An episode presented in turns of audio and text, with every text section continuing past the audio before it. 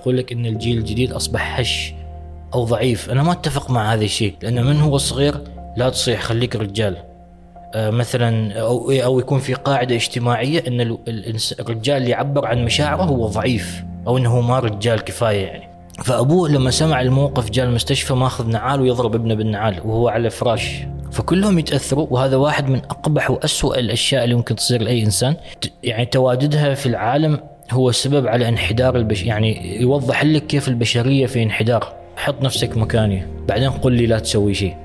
يقول لي أنا الحين أحس ان أريد أقتل هذاك الشخص اللي تعدى عليه. نحن مجتمع مفهوم السمع عندنا مضروب. مشوه بطريقة غير طبيعية. أو بطرح فكرة. لا لا اتكلم فيه أنا لا جالس أرجع وأروح أجي أنا عارف إنك عندك كلام. آه، أنا بقول شيء واحد. ابحث عن مصدر المصدر أو السبب في نشر فكرة اختزال شرف المرأة في عذريتها. ابحث عن مصدر هذه الفكرة. وبتعرف ليش نحن عندنا هذا الشيء منتشر. وليش هذا الشيء ما يطبق على الرجل؟ وهل هو أصلا فكرة منطقية؟ فليش أنت تتصرف كأنك الله؟ ما هو المفروض إن العدالة النهائية عند رب العالمين في يوم الحساب؟ فمين أنت عشان تلعب هذا الدور؟ وليش شرف القبيلة كله على عاتق المرأة يكون على عاتق البنت. هذا الفكرة اللي أنا ما فهمت الحين لحد يعني لحد هذا اليوم ما قادر أستوعبها أنه لو أخذنا الذكور العرب هم من أكثر الشرائح في في تاريخ البشرية تعرضا للظلم. شوفها نحن دائما نقول أن المرأة مضطهدة صح؟ في المجتمعات العربية بس أنا لما بحثت في الموضوع اكتشفت أن الرجل مضطهد أكثر من المرأة.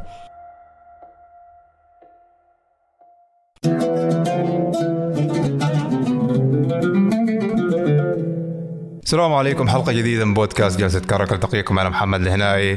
في حلقة جديدة مع ضيف أنا أعتبره صديق آه، كان معنا سابقا في البرنامج واللي هو محمد لواتي. أهلا محمد. أهلا بك محمد. حياك الله. يا مرحبا فيك. مرحبا فيك. أخيرا بعد أشهر. إيه بعد فترة طويلة. جداً. الحمد لله. يعني اللقاء هذا كان تقريبا شهر 10 أو 11 يمكن. ما شاء الله. يمكن تقريبا سنة الحين. أيوه أيوه سنة. ما يقارب سنة. فنتشرف إنك مرة ثانية. الله يخليك. الله يخليك. آه طبعا آه، محمد أخصائي نفسي. آه بنحط رابط اللقاء السابق في صندوق الوصف اللي يحب يرجع له. وفي نفس الوقت آه هذه كل حلقة ما شاء الله حققت انتشار كاسح خصوصا خارج عمان يعني في مقاطع في التيك توك عدت المليون 700 ألف. ف طرحت أسئلة كثيرة في نفس الوقت كانت نوعا ما هي عامة آه، مش تخصصية لكن هذه الحلقة بتكون تخصصية بشكل أكبر. فبتكون من محورين المحور الأول آه، عن العنف الصدمات النفسية.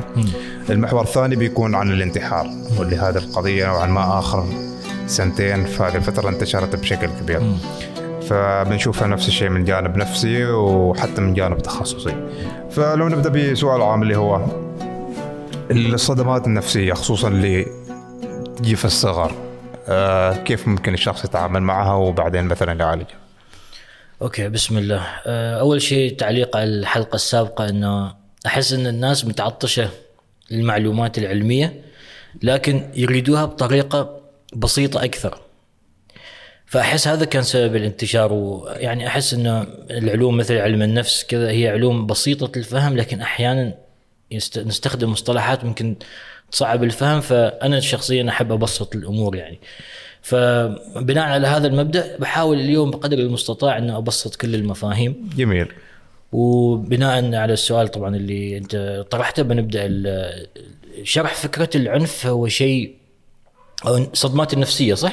قد- أنت قلت ولا العنف؟ الصدمات النفسية وبعدين حتى علاقة العنف فيها أوكي، يعني هي. أكيد العنف سبب رئيسي. الصدمة النفسية هي أي صدمة أو موقف يسبب أثر نفسي قوي على الإنسان. ما لازم يكون عنف ممكن يكون حادث سيارة الطفل كان في بلد فيها حرب أحد الوالدين توفى. أي شيء من هذا القبيل صدمات نفسية. كيف تعرف إن هذه صدمة نفسية؟ إذا أنت تك لما تكبر تجيك مثل flashbacks أو تخيلات عن هذه الصدمة أو هذه المواقف أو إذا هي تركت فيك آثار ما زالت مستمرة وتأثر على حياتك اليوم. على سبيل المثال أسهل يعني مثال عشان تتكلم عن التخيلات هو لما إذا شخص كان في بلد فيها حرب وشاف منظر مثلا صاروخ أو يعني هجوم ناري أو شيء بناية تنفجر أو شيء كذا فالمنظر هذا خلاص انطبع في مخه. فبعد عشر سنوات يجي له مثلا فلاش باك يتذكر الموقف كأنه صار الحين. فهذا نوع من أنواع الصدمات النفسية. آه، وفي عندك الصدمات أو الأشياء اللي تأثر على. الإنسان في حياته اليومية. على مثلا سبيل المثال آه، شاب لما كان صغير في السن كان أبوه يضربه على كل صغيرة وكبيرة كف على كل شيء. فهذا الإنسان صار مثل ما نقول بالعامية شخصيته مهزوزة. بالعامية نقول كذا شخصيته مهزوزة. فيريد يقدم عرض مرئي في الشغل ما يقدر يخاف. يريد يروح يخطب يتزوج يخاف. كل شيء فيه خوف وفيه قلق. فهذا الإنسان هو اللي صار فيه سببه الصدمات اللي تعرض لها سابقا في الطفولة أو العنف. بمعنى أدق يعني. جميل جميل. يعني حتى لو نحن نعتقد إنها هي أشياء بسيطة لكن أثرها على المدى البعيد يكون أيوة. كبير. نفسية النفس البشرية هي أصلا حساسة. أنا في في تويتر شفت قبل كم يوم يقول لك إن الجيل الجديد أصبح هش أو ضعيف. أنا ما أتفق مع هذا الشيء. أنا أحس إن الإنسان بطبعه هو يعني من لما ينولد هو إنسان حساس. عشان كذا مثلا الطفل نحن نعامله بحذر. هذا ما ضعف هذا طبيعة الخلق كذا الله سبحانه وتعالى خلق الإنسان. في هذيك المرحلة العمرية هو ضعيف هو حساس هو اعتمادي. لما يكبر في عوامل تصقل شخصيته. زين فهل مثلا هذا الجيل حساس وقبل كانت الناس اصلب وتتاثر وما تتأثر مثل الحين؟ أنا ما أتفق مع هذا الشيء. أنا أحس اللي صار إنه صار الحين ما في حدود للتعبير عن النفس. بسبب وسائل التواصل والإنترنت بشكل عام صارت الناس تعبر لكن لما أنت أي إنسان يقرأ في التاريخ يقدر يشوف شخصيات تاريخية كانت تعبر في الأدب أو في الكتابات الخاصة بها عن نوع من أنواع الظلم أو العنف أو انه تعرض للطغيان إلى آخره. فالتاريخ يثبت لك إن الإنسان على مر العصور كان يتأثر بهذه الأشياء يعني. كان يتأثر يعني ما يعني الإنسان قبل ما كان عنده مناعة من العنف أكثر من الشخص اللي اليوم موجود في وجهة نظري يعني. بس أحس انه صار في تعبير أكثر. أيوه ف... وهذا اللي يقولوا عنها إنه صار جيل هش هم يقولوا كذا إن الجيل صار عاطفي أكثر أو يعبر أكثر فهذا معناته إن هذا شيء إيجابي ترى إن الناس صارت تعبر لأن إحنا اليوم مثلا بنطلع على الانتحار بعدين واحدة من أكثر المسببات لظاهرة الانتحار هي الكبت النفسي. الكتم. حسب الإحصائيات العالمية الرجال هم أكثر عرضة للإقدام على الانتحار. ليش؟ لأن من هو صغير لا تصيح خليك رجال. آه، مثلا أو أو يكون في إن ال- الإنس- الرجال اللي يعبر عن مشاعره هو ضعيف إنه هو ما رجال كفاية يعني. وهذا ترى ما بس مجتمعاتنا. حتى مجتمعات ثانية كذا موجود يعني هي مربوطة بكأنها تصرف أنثوي حتى البعض. يعتبره مثلاً،. أيوه. إن البكاء تعبر عن مشاعرك. وكذا فأنا أت- أتفق تماما معك في فكرة إنه اللي اللي يقول إن الجيل هذا هش يعني هل إذا كان السبب إنهم يعبروا كثير فهذا سبب غير منطقي. يم- قبل يمكن كانوا يخافوا يعبروا لأن أساسا بيكون في اللي هو الحكم المسبق العار أيوه أيوة، العار. ما كان في طريقة تعبر. أنت اليوم تقدر تفتح حساب وهمي وتكتب كتابات في الإنستغرام في تويتر ما حد يعرف أنت مين. تقدر تعبر عن نفسك عادي. أكيد أكيد. من بدأت المنتديات بدأت الناس تصير تعرف تعبر أكثر لأنه صار في مجهولية. والناس تقدر يعني تأخذ راحتها في الكلام. أكيد. هو هو هي أحس أنها حاجة فطرية غريزية. أنت بس تريد تتنفس على اللي في داخلك إيش الأفضل؟ إنك تنفس عن نفسك بالكلام والكتابة ولا تروح تشرب تتعاطى مخدرات تسوي شيء مدمر؟ طبعا إنك تتكلم وتكتب يعني. زين انت في الحلقة السابقة آه، من- هذا السؤال اللي علاقة بالسؤال اللي قبله ذكرت شيء ونفس نفس الشيء بعد سوى لغط اللي هي فكرة إنه إيش الفائده تخبر طفل عن عذاب القبر؟ آه فما أعرف إيش تعقيبك على هذه النقطة؟ أه، أشوف إنه هو شيء منطقي. أنت عند لو عندك طفل عمره ثلاث سنوات أو سنتين بتخليه يشوف فيلم رعب؟ بتخ... أنت- لا طبعا لا لا طبعا. بتخليه يعني؟ لا طبعا. ليش ما بتخليه؟ لأنك تريد تحميه من الأذى صح؟ زين الحين أنا بتكلم من ناحية علمية فقط. الإنسان لما يتعرض لشيء في الطفولة صدمة نفسية آه هو لأنه صغير في السن ما بيستوعبها بس هي تخزنت خلاص عنده. في المخ خلينا نقول تخزنت بس هو ما بيحس فيها لأنه هو صغير. المخ واحدة من وظائفه الأساسية هو حماية الإنسان من نفسه. فإيش يسوي لما تتعرض لصدمة مثلا بعيد الشر؟ الله يحفظ كل شخص. طفل آه. عمره سبعة تعرض للتحرش جنسي. سبع سنوات. هو ترى ما يحس فيها هذيك الساعة. ليش؟ لأن المخ يريد يحميه فكأنه يدفن هالذكريات في مكان. تلقائيا يا يدفنها يا ينكر وجودها أو شيء من هذا القبيل. متى عاد ترجع الذكريات؟ لما هذا الشخص يوصل لسن يقدر يستوعب هذه المعلومات. فيكون في المدرسة في الإعدادية أو في الكلية أو في هذه المرحلة وتجي مدرسة أو مدرس ويشرح عن هذه الأشياء التوعية الجنسية. مثلا لا تخلي حد يلمسك هنا. ففجأة يصير مثل كليك انه أنا صار لي كذا. بالفعل. فتبدأ الذكريات هذه اللي كانت مدفونة تظهر على السطح ويبدأ الإنسان يعاني نفسيا ويبحث عن علاج بعدين.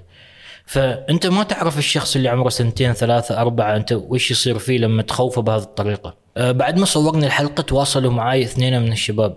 واحد أه اثنين هم هم بدون تفاصيلهم انه يريدوا يسألوني يقول لي نحن كيف نقدر نحسن من الخطاب الديني أه مع الأطفال عشان ما نخوفهم وكذا ونحببهم أكثر. بسيطة جدا خليك قدوة حسنة بس ذاتس ات أنت إذا تريد ابنك أو بنتك ما يسوي أشياء غلط في الحياة ابني بينك وبينهم علاقة تسودها المحبة والمودة وخليك قدوة. يعني إذا ابنائك ما يخافوا منك بيريدوا يقلدوك تلقائيا. أنا شفت بعيني هالشيء شفت أطفال يتعلموا الصلاة بس بالتقليد. مثلا بنات يحبوا أمهم لأن هي تحبهم كثير وتعاملهم زين وما في بينهم حواجز وخوف فهي تصلي الأم. كل ما اذن تروح تصلي تتوضا تسوي البروسس البنات صاروا يشوفوها يقلدوها وصلوا. حتى ما اضطرت إن هي تعلمهم شيء. بس بعدين يحفظ القرآن وهذا وكذا ويعني هذا الشيء مع الوقت يصير تلقائيا مع التكرار يعني. طبيعي ما منطق انت جاي تخبر عن عذاب القبر. بالضبط. وهذول الأطفال اللي تعلموا تعلموا بهذه الطريقة اللي هي التقليد أو القدوة آه، تعلموا الدين أو الممارسات هذه بالحب بالقناعة من عمر صغير بالقناعة. قناعة ما يعني إنه هو حلل وقرأ وكذا لا. قناعة لأنه كان شيء منطقي بالنسبة له. هذه إنسانة تحبني تعاملني زين هي تسوي كذا. لما سألتها ليش تصلين قالت لنا اللي يصلي الله يحبه. بس بس قالت كذا. فهي راحت سوت اللي أمها قالت لها هي. في جملة واحدة اللي يصلي الله يحبه بنت جيل كامل. أوكي هذا أحسن من إنك أنت تخوف إنسان وتخليه يفكر في أشياء هو ما يحتاج يفكر فيها. بعدين لما يوصل ترى أغلب الناس حتى اللي مثلا خلي الدين على جانب. إذا تريد تنفر إنسان من فكرة معينة أوكي ازرع فيه الخوف. ازرع فيه خوف اتجاه هذه الفكرة. الادويه النفسيه الأدوية النفسية كل ما اقترح لحد ياخذ أدوية نفسية. كيف يسوون سالفة عناد عناد إنه ما يريد ياخذه تعرف ليش؟ ليش؟ لأن خوفوهم عنها. تسوي إدمان تغير في تركيبة المخ آه، بتصير اعتمادي عليها. وهذه ترى معلومات outdated يعني ما صحيحة. كانت سابقا في السبعينات والثمانينات والتسعينات.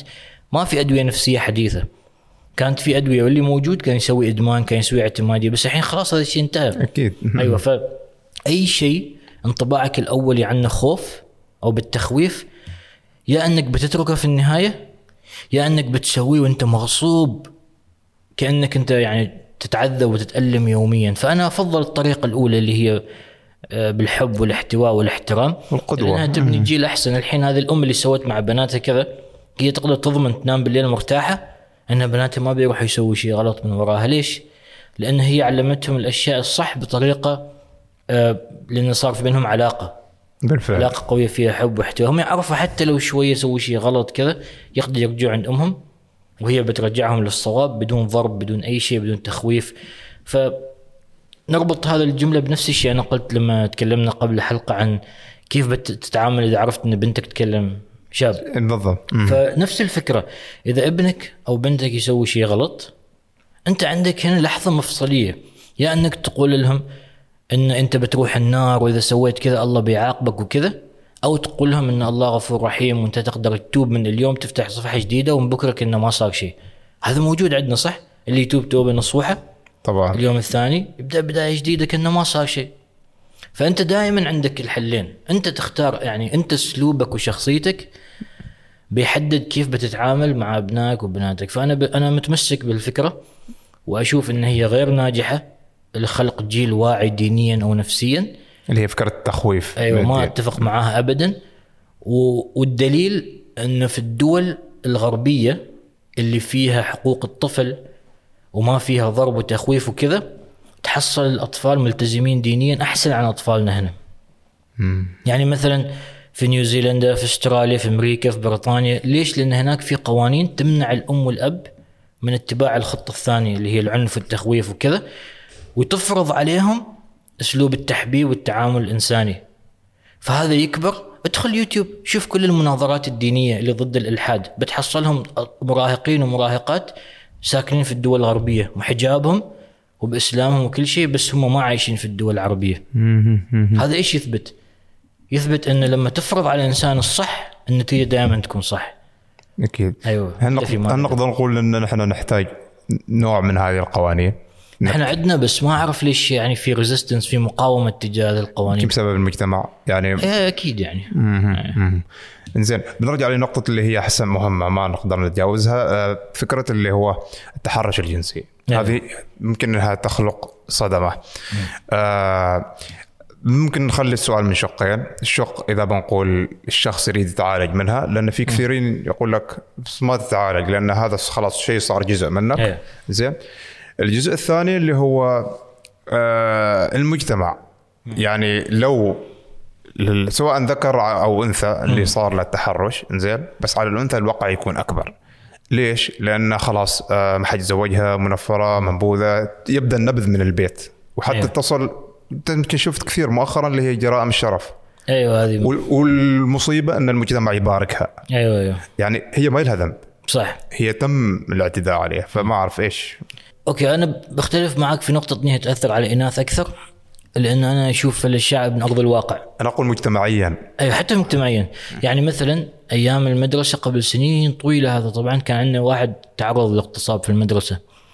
فما سمعنا عنه شيء فترة. بعدين سمعت القصة من شخص موثوق يعني قال لي إن هذا الولد دخل المستشفى بسبب اللي صار له. يعني كذا تأذى لهذه الدرجة وكان هو في المستشفى وكانت آه، والدته معاه وأمه وأبوه منفصلين يعني. فأبوه لما سمع الموقف جاء المستشفى ماخذ نعال ويضرب ابنه بالنعال وهو على فراش مسكين يعني ضحية له يضربه كأنه نزلت راسنا يعني وسب وعصب عليه وكذا وهذا يعني. فهذا الولد توفى قبل أربع خمس سنوات تقريبا جرعة زايدة مخدرات.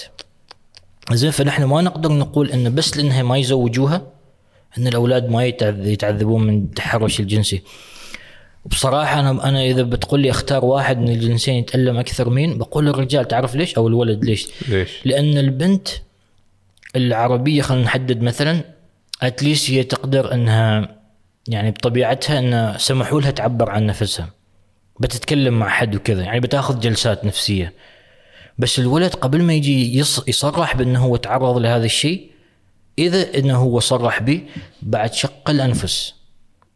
لأنه يخاف إن الشخص يعني مثلا نادرا ما يجيني أنا شخص يقول لي أنا صار معي كذا ليش يخاف؟ إن أنا أشوف عليه بنظرة. بس وسائل التواصل خلت الناس ترتاح. إن هذا محمد ما بيحكم علي شوف شخصيته واضحة وكذا هل سبق وتواصل معك؟ أيوه كثير. بس يعني أنا بقول إن اللي يحدد يعني حدة ال- التأثير هو الشخص نفسه. فكلهم يتأثروا وهذا واحد من أقبح وأسوأ الأشياء اللي ممكن تصير لأي إنسان اللي هو العنف الجنسي اللي إحنا نسميه التحرش بالعامية.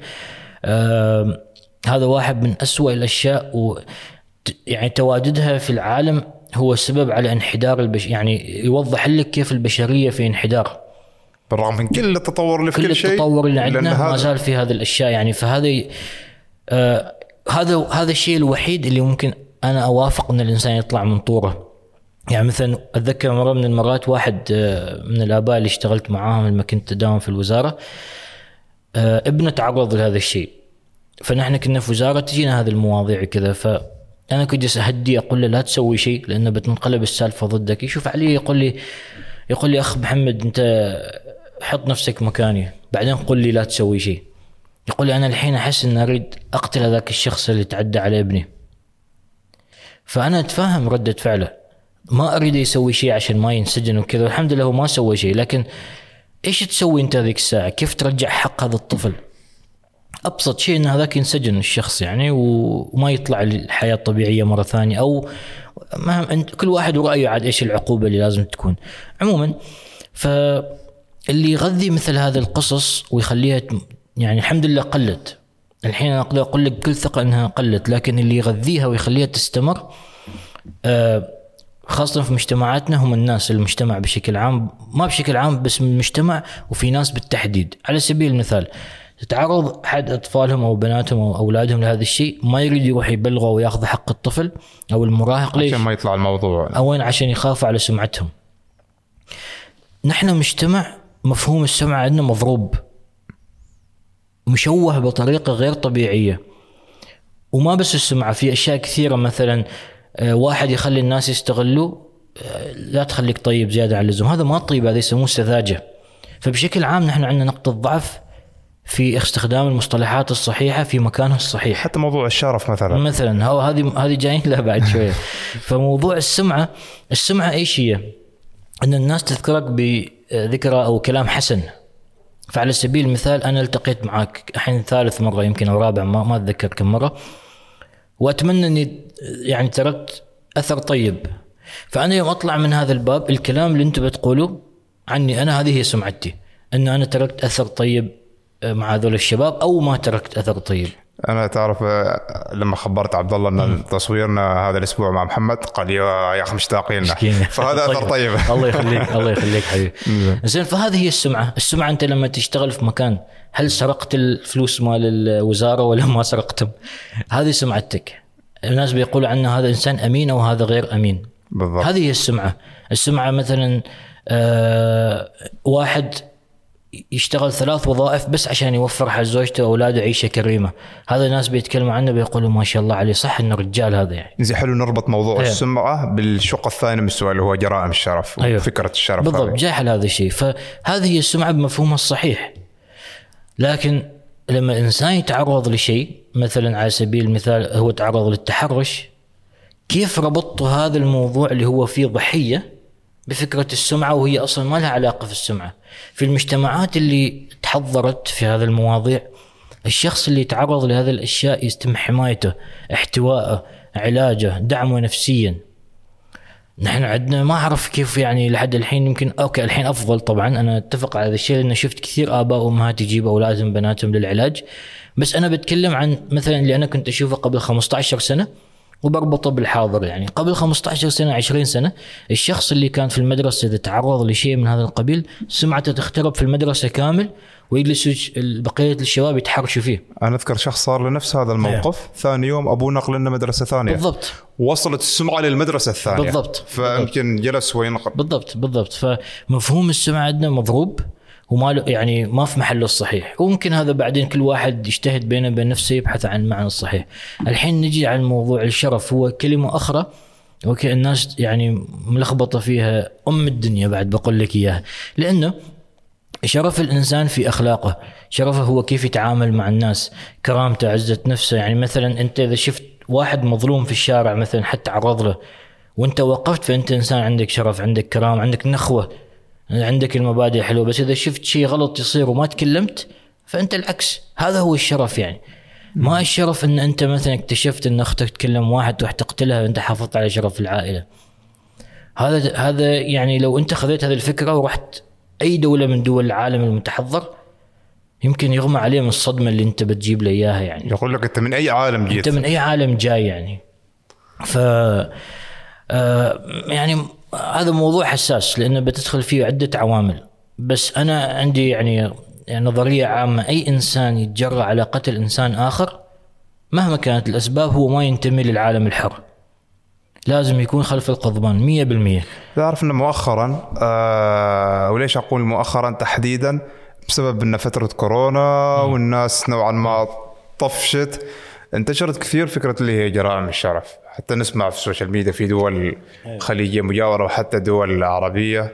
آه وطلعت مثلا عندك اللي هي حادثة مثلا إسراء غريب وفي حوا- حوادث كثيرة. تحس إنه صار الموضوع الشيء اللي يصدم إنه الناس في الكومنتات أو حتى في المجتمع اللي هم أساسا يعني هم جزء من المجتمع زين يعكسوا جزء كبير من المجتمع يباركوا هذا الشيء ويقولوا صح زين سويت لازم تنقرض مثلا هذه الأشكال. وفي نفس الوقت إن هذه البنت هي ضحية. وأحيانا حتى هي ما تكون ضحية هي تكون آه مثلا هذيك البنت اللي بس كانت جالسة مع خطيبها وراحت إيه. وحدة وفتنت عليها وكذا إيه. وجيوا إخوانها وقتلوها يعني شيء ف. هل هل هل السبب إن نحن واجد متأخرين في هذا الشيء أو إن فكرة ال- الشرف مضروبة بشكل مضروبة كبير ولا وهذا الشيء أنا ما بتكلم فيه بس بطرح سؤال أو بطرح فكرة. لا لا اتكلم فيه أنا لا جالس أرجع وأروح أجي أنا عارف إنك عندك كلام. إيه، أنا بقول شيء واحد. ابحث عن مصدر المصدر أو السبب في نشر فكرة اختزال شرف المرأة في عذريتها. ابحث عن مصدر هذه الفكرة. وبتعرف ليش نحن عندنا هذا الشيء منتشر. إنزين وهذا يعني موضوع واجد سهل. تدخل جوجل تبحث تعرف مين مصدر هذه الفكرة. قبل شوي أنا عرفت لك الشرف بمفهومي أنا. لكن في مجتمعات آه، طبق نفس هذه الفكرة على الرجل يعني مثلا أنا كرجال إذا سويت أي شيء okay آه غير أخلاقي ممكن أصنف إن هذا إنسان غير أخلاقي من سوالف يعني مثلا إذا سويت سوالف مع البنات وسويت وهذا كذا بيقولوا ما متربي لعاب. لعاب ما متربي أو صايع أو مثلا وإذا تصلحت بيعطوني فرصة فليش في الجهة المقابلة الأنثى ما تعطى نفس الفرصة؟ ليش على طول النف... أيوه ليش تقتل يعني مثلا على هذا الشيء؟ فهنا في مشكلة في مشكلة. يعني معناته إنه في حد خبر هذا الناس كلهم إنه إذا شفت بنت من بناتكم يسووا هذا الشيء فاقتلوهم أو اقتلوهم يعني. فلازم كل إنسان يريد يعرف هذه المعلومة. يبحث وحده. مين هو السبب في نشر فكرة اختزال شرف المرأة في عذريتها؟ وليش هذا الشيء ما يطبق على الرجل؟ وهل هو أصلا فكرة منطقية؟ خلينا نشوفها من ناحية إنسانية. آه، أي إنسان يرتكب جريمة يروح سجن يطلع منها إلا إذا في بعض الجرائم مؤبد أو اعدام هذيك استثناء. بس بشكل عام تطلع تعطى فرصة ثانية في دول تسوي لك تأهيل. هذا من الناحية الإنسانية القانونية. من الناحية الدينية مثلا اللي هي مهمة بالنسبة لنا ال- الدين مليان بقصص وآيات وأحاديث تحث الناس على إنهم يتوبوا. وإن نحن يعني معطيين دائما فرصة جديدة للحياة. يعني مثلا تروح الحج كأنك أنت مولود الحين يعني كإنسان جديد. فليش أنت تتصرف كأنك الله؟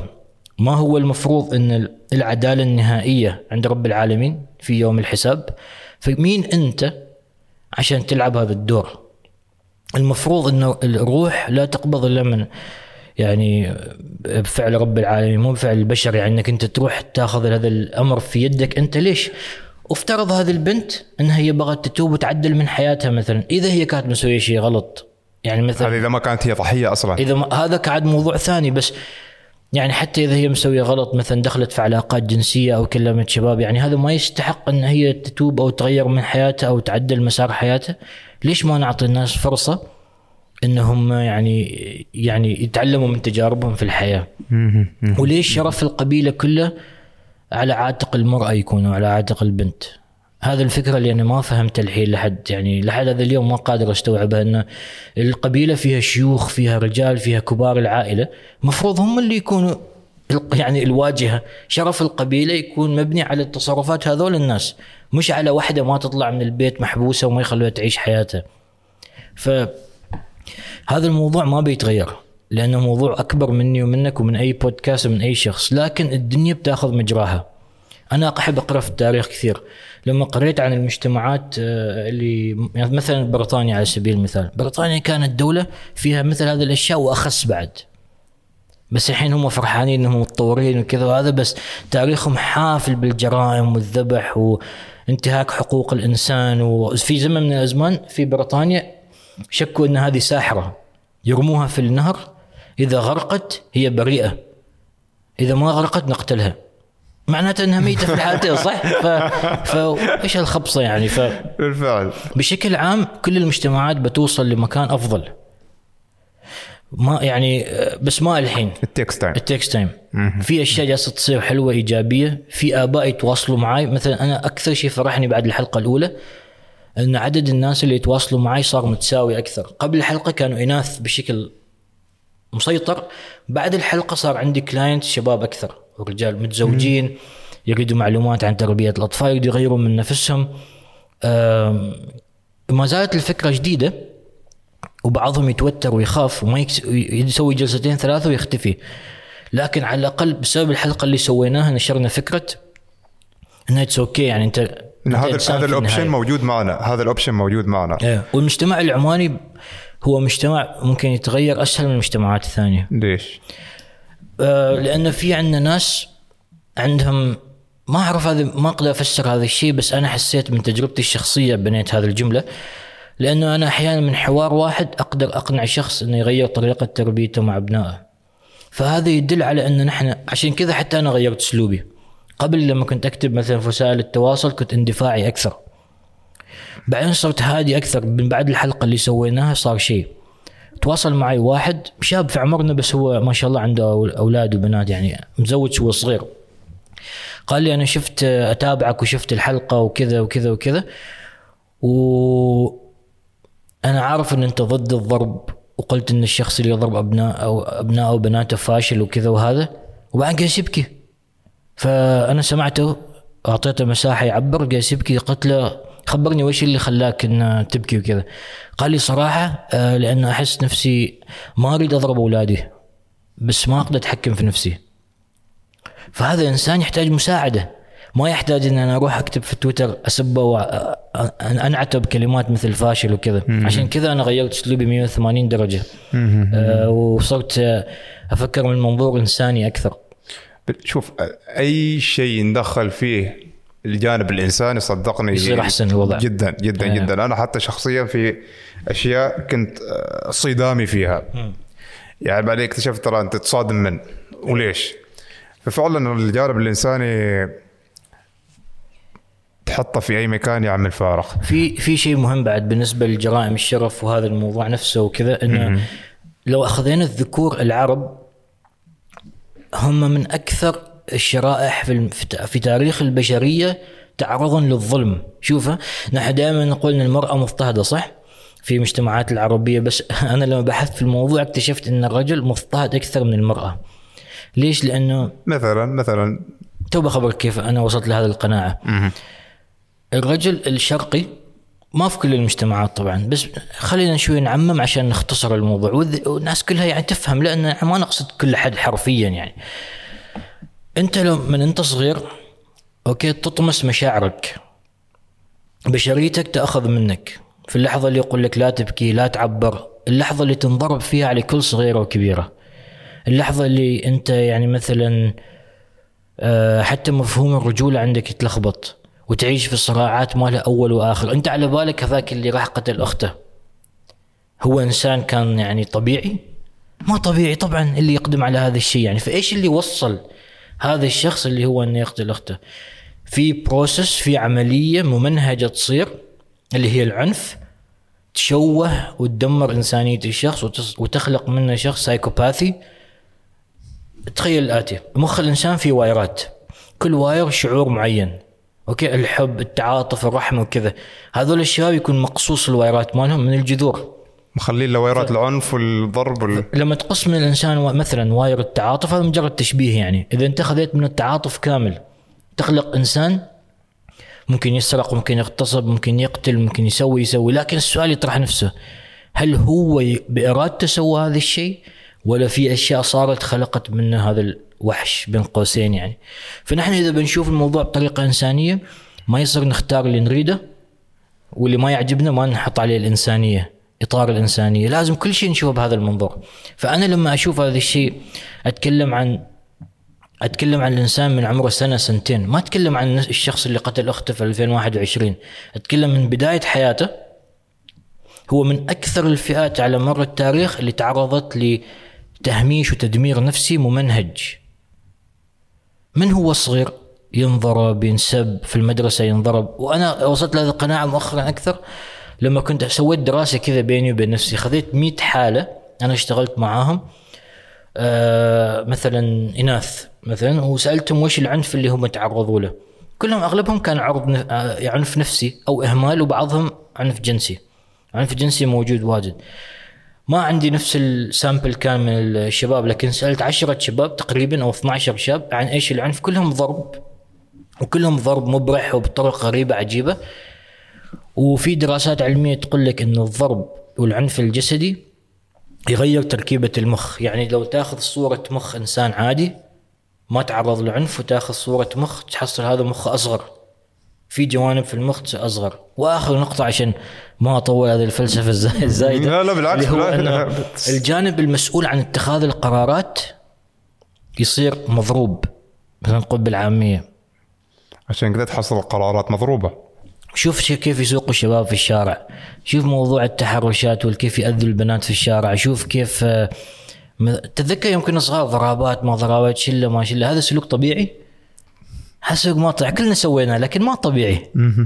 آه، لأن هذه ما حد ما من أخلاق ال- الدينية ولا من الإنسانية إنك أنت خصوصا طالع من حصة إسلامية وتروح الضاربه ففي واجد أدلة تثبت أن الرجل الشرقي هو ليس بفطرته شخص سيء بس هذا صناعة ثقافة تربوية فاشلة. في موجود تحصلها في العنف واللي في أحيانا يكون طرق غير طبيعية. طبعا أنا ما أقول إن البنات ما يتعرضوا لكن لازم نكون منصفين. إذا آخر شيء بقوله إذا أنت تريد إذا أنت إنسان تقول عن نفسك حقوقي وإنساني وإصلاحي ما يصير إنك تهمل الرجال وتركز كله على الإناث. لازم تكون في نظرتك متوازن وتعالج الأمور بدون مشاعر بدون تحيز. لازم تجي تشوف إذا تريد تصلح.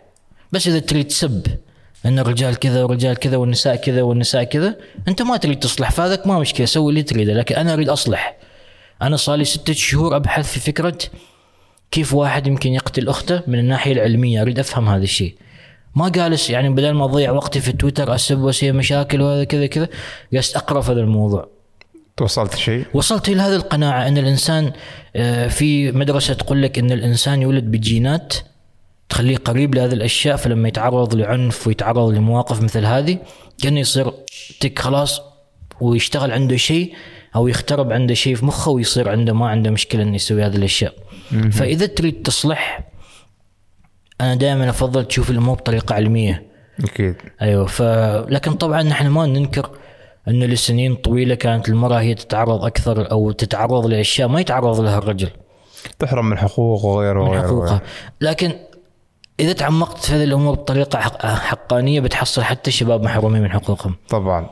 يا أخي أنا أمس كنت طالع مع واحد من الشباب يخبرني. ال- الشاب هذا واحد عبقري. هذا الشاب عبقري. بدون ذكر تفاصيل بس هو يشتغل في مجال جديد في البلد. بعد خمس سنوات بيصير ضجه في هذا المجال. وهذا الولد من يعني سلف توت يعني ما دخل جامعة هو علم نفسه هذه المهارة ويشتغل في شركة خاصة.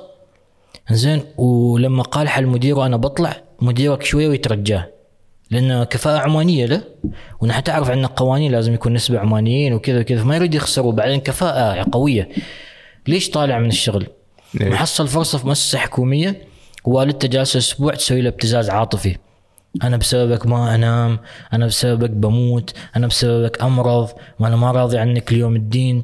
تعرف ليش؟ ليش؟ عشان تريد يطلع من الخاص يروح في الحكومة على أساس إن الحكومة ضمان وكذا. ضمان وآمن وعقد دايم هذا ما تعذيب نفسي هذا ما أكل حقوق الإنسان هذا ما سلبه من حرية اتخاذ القرار من أقرب الناس لك من أقرب بغض النظر مين الشخص بس هذا ما رجل بس تفرق إذا أيوه كانت من الأم. فنحن نفس الشيء يصير مع البنات في موضوع الزواج ترى يصير مع الأولاد في أشياء ثانية حتى في كم شخص أنا اشتغلت معاه كان يحب واحدة يريد يتزوجها أهله ما خلوه زين هذا بعد نفس الشيء حرم من حقه تخصصات ومع وايد وايد اشياء يعني. ف آه، المنظومة فيها مش شيء غلط ويمس الجميع.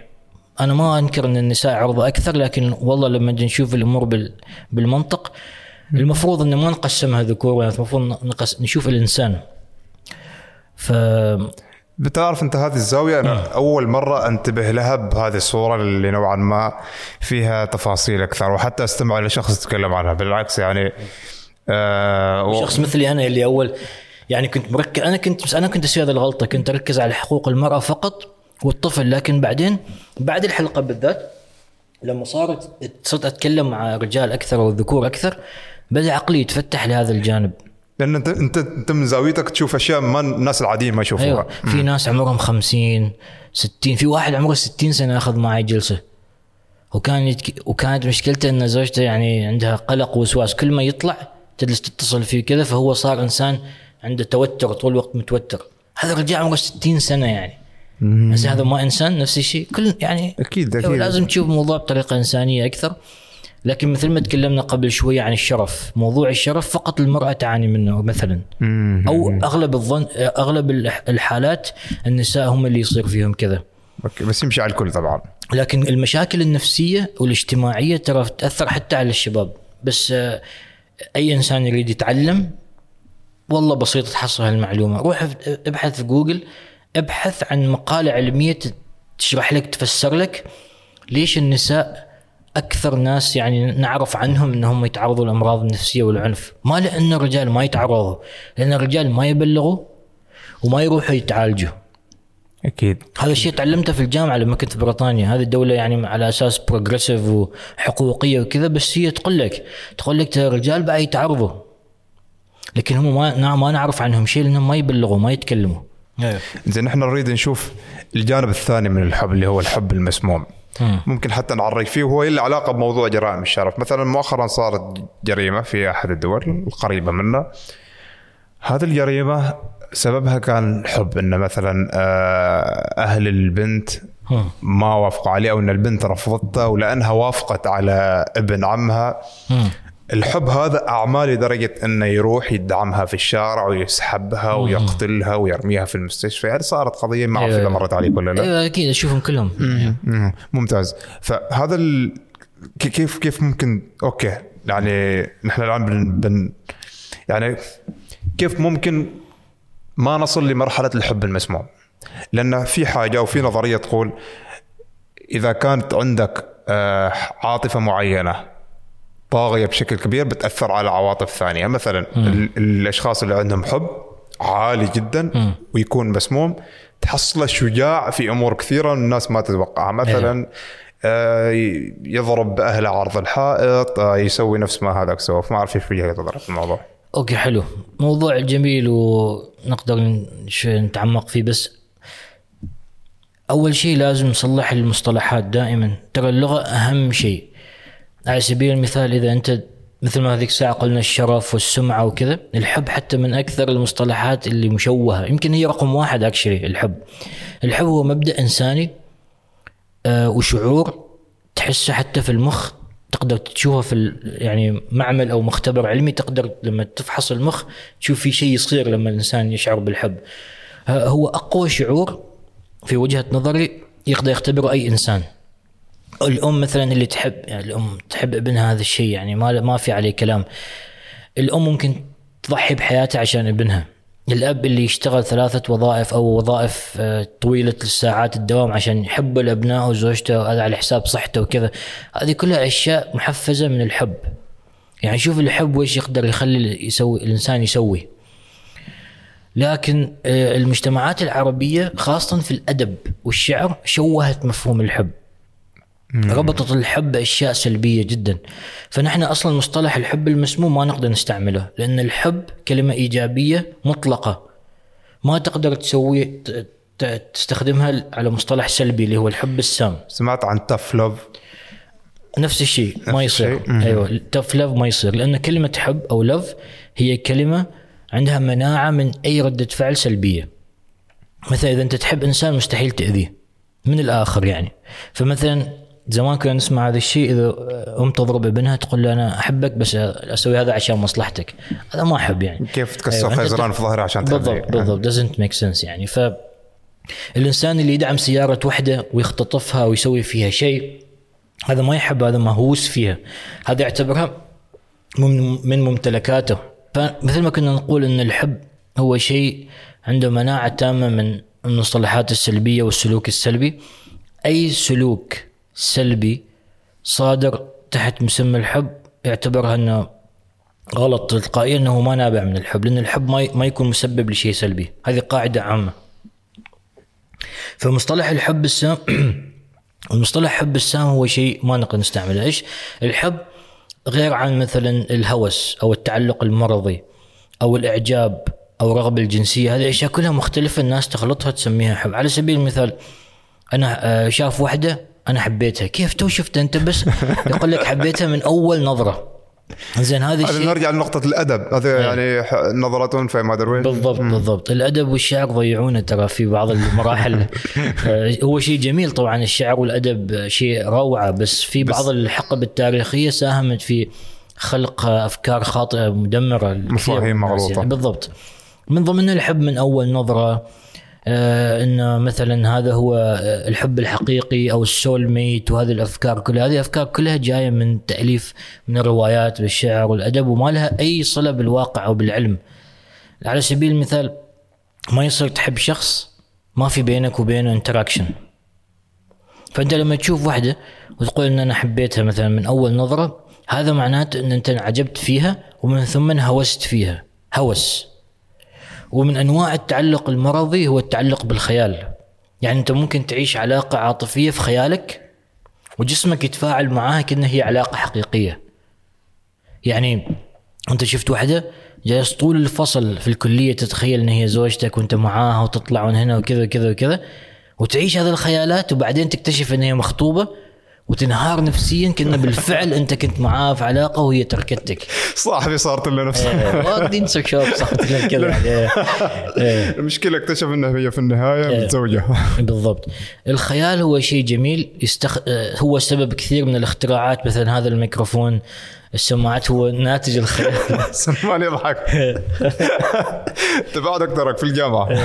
فالخيال هو شيء تقدر تستعمله. لتفيد البشرية بس نفس الوقت هو سلاح مضر إذا استخدم يعني إذا ما فهمت كيف مخك يشتغل.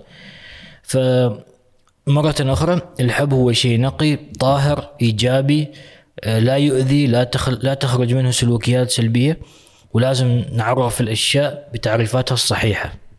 فهذه الأشياء الأمثلة اللي أنت ذكرتها؟ ما تنتمي للحب تنتمي للهوس للتعلق حب التملك النرجسية السايكوباثية سؤال هنا آه أنا استشفه من حلقة سابقة كانت مع الأستاذة شريفة البرعمي كانت تقول آه الرجل ليش يخاف الرجل من المرأة؟ تسأل سؤال ليش يخاف الرجل من المرأة؟ لأنه يعتقد بان هي أخر ممتلكاته. ف ما أعرف يعني سمعت أيوه سمعت بس أنا أريد أعرف وجهة نظرك في الموضوع هذا. أوه والله. من ناحية خبرتك في الحياة وفي نفس الوقت من ناحية اللي هو لماذا يخشى الرجل المرأة لأن يعتبرها آخر ممتلكاته ويخاف يخسرها؟ كذا قصدها هي كان صح؟ بالضبط. I don't think so أنا ما أتفق مع هذا الشيء بشكل عام. أعتقد إن في بعض الحالات يصير هالشيء. بس أنا كنت أريد أربطها بفكرة التملك. آه أيوه أيوه. في في ناس كذا لكن المشكلة أنه بتحصل حتى في إناث يفكروا بنفس الطريقة. فبالتالي تلقائيا النظرية ما ما تكون صحيحة لأن حتى في إناث على فكرة على أرض الواقع في الجلسات النفسية النساء هم عندهم حب التملك أكثر بس نابع من خوف أنه يخسرون هذا الشخص. يعني من الفقد. مين اللي يسوي حسابات وهمية؟ ويروح يكلم خطيبه أو حبيبه أو زوجه وكأنها هي بنت ثانية. مين يسوي هذه الحركات؟ بنات يسووها صح؟ نادرا ما تشوف ولد يسوي هذا الشيء. بس في أولاد يسووا أشياء أخص طبعا. لكن والسبب مختلف. الرجل في الأغلب الأحيان لما يخاف من الخسارة وعنده حب تملك يكون بسبب إنه تجارب سابقة مثلا؟ مثلا أو إن رجولته ما تنكسر أو إن أنا كيف يصير أنا فيا كذا أو أو أو إلى آخره أو أنت مالي يعني ما حد ياخذك. هذا اللي هي تقصد الاستاذه الشريفة. لكن في ناس يسوي نفس الشيء. فحب التملك هو سلوك نابع من خوف والخوف هو عكس الحب والخوف هو عدو الإنسان الأكبر في الحياة. فبدون فلسفة زايدة مثل ما قلنا الحب هو شيء نقي بشكل إيجابي الخوف هو شيء سلبي كامل بشكل كامل يعني بالنسبة لي أنا. أنا أشوفه عدو الحياة. على سبيل المثال الناس اللي تخاف من الموت. يعني مثلا في الديانة الكنيسية الناس اللي يخافوا على حد من عائلتهم انه يتعذب فايش يروح يدفع حال القسيس فلوس عشان يضمن له مكان في الجنة؟ هذا كله خوف من الموت خوف من الأشياء اللي اللي يجهلها الإنسان. وهنا عاد ندخل في موضوع الإيمان ولازم يكون عندك يقين ومتفائل وإيجابي أكثر بنظرتك لهذه الأمور. بس بشكل عام الخوف هو عدو الإنسان الأساسي في الحياة. أكيد. فالتملك وما أعرف إيش كل الأشياء اللي ذكرناها كلها نابعة من خوف عاد خوف إنه هي تكون يخسر آخر ممتلكاته خوف إنه هو يتفضح قدام الناس خوف من إنه يخسرها لأنه يحبها أو يعتقد إنه هو يحبها. في عندك عاد تفسيرات كثيرة. طبعا يعتمد على نوع إيه. العلاقة والعوامل اللي تحيط إيه. بها. آه محمد هنا في سؤال بس بنرجع لبدايه الحلقة هو اللي هو العلاقة بالعنف. بالمناسبة هذه المواضيع يعني ما كانت مطروحة من ضمن المحاور بس حلو حلو إن نحن تطرقنا لها. آه بنختم الحلقة بهذا السؤال وما أعرف إذا تحب إن الحلقة الثانية اللي هي أو المحور الثاني بخصوص الانتحار نخليه في حلقة ثانية. أنا أفضل موضوع الانتحار نخصص له حلقة كذا ساعة بروحه لأنه موضوع يحتاج تفصيل شوي تتكلم عنه أكثر وفي معلومات أحسها بتفيد الناس لأنه في لغط كبير في هذا الموضوع. صار في استخدام لموضوع الانتحار والصحة النفسية في أجندات آه، سياسية وفكرية وهذا يريد يضرب في هذا فيستخدم قضية شخص انتحر وكذا. فننسى الجانب الإنساني أن هذول ترى بشر في النهاية. أنا أحسك أنت بتدخل في الحلقة لو كملت. أيوه فأحسن. خلاص ممتاز. أحسن نخليها المرة. الجاية وحدها ونتكلم عنها بالتفصيل أكثر. تمام ممتاز. إذا بنختم هذه الحلقة بسؤال اللي هو إذا في أحد أولياء الأمور أو سواء كان أب أم أخ آه عنده أحد في البيت تعرض لتحرش لفظي جسدي ايا كان. كيف ممكن أو إيش هي الخطوات اللي ممكن يتبعها على أساس إنه يتلافى ويحد من هذا الشيء؟ أعطيني مثال أحسن يعني أعطيني قصة يعني- يعني واحد كذا وأسألني عنه أحسن. آه، مثلا آه، ولي أمر آه، اكتشف إن طفلة تعرض لتحرش في المدرسة. تحرش جنسي قصدك بالضبط أوكي. بالضبط بالضبط. أوكي. سواء كان بنت أو ولد ما يفرق.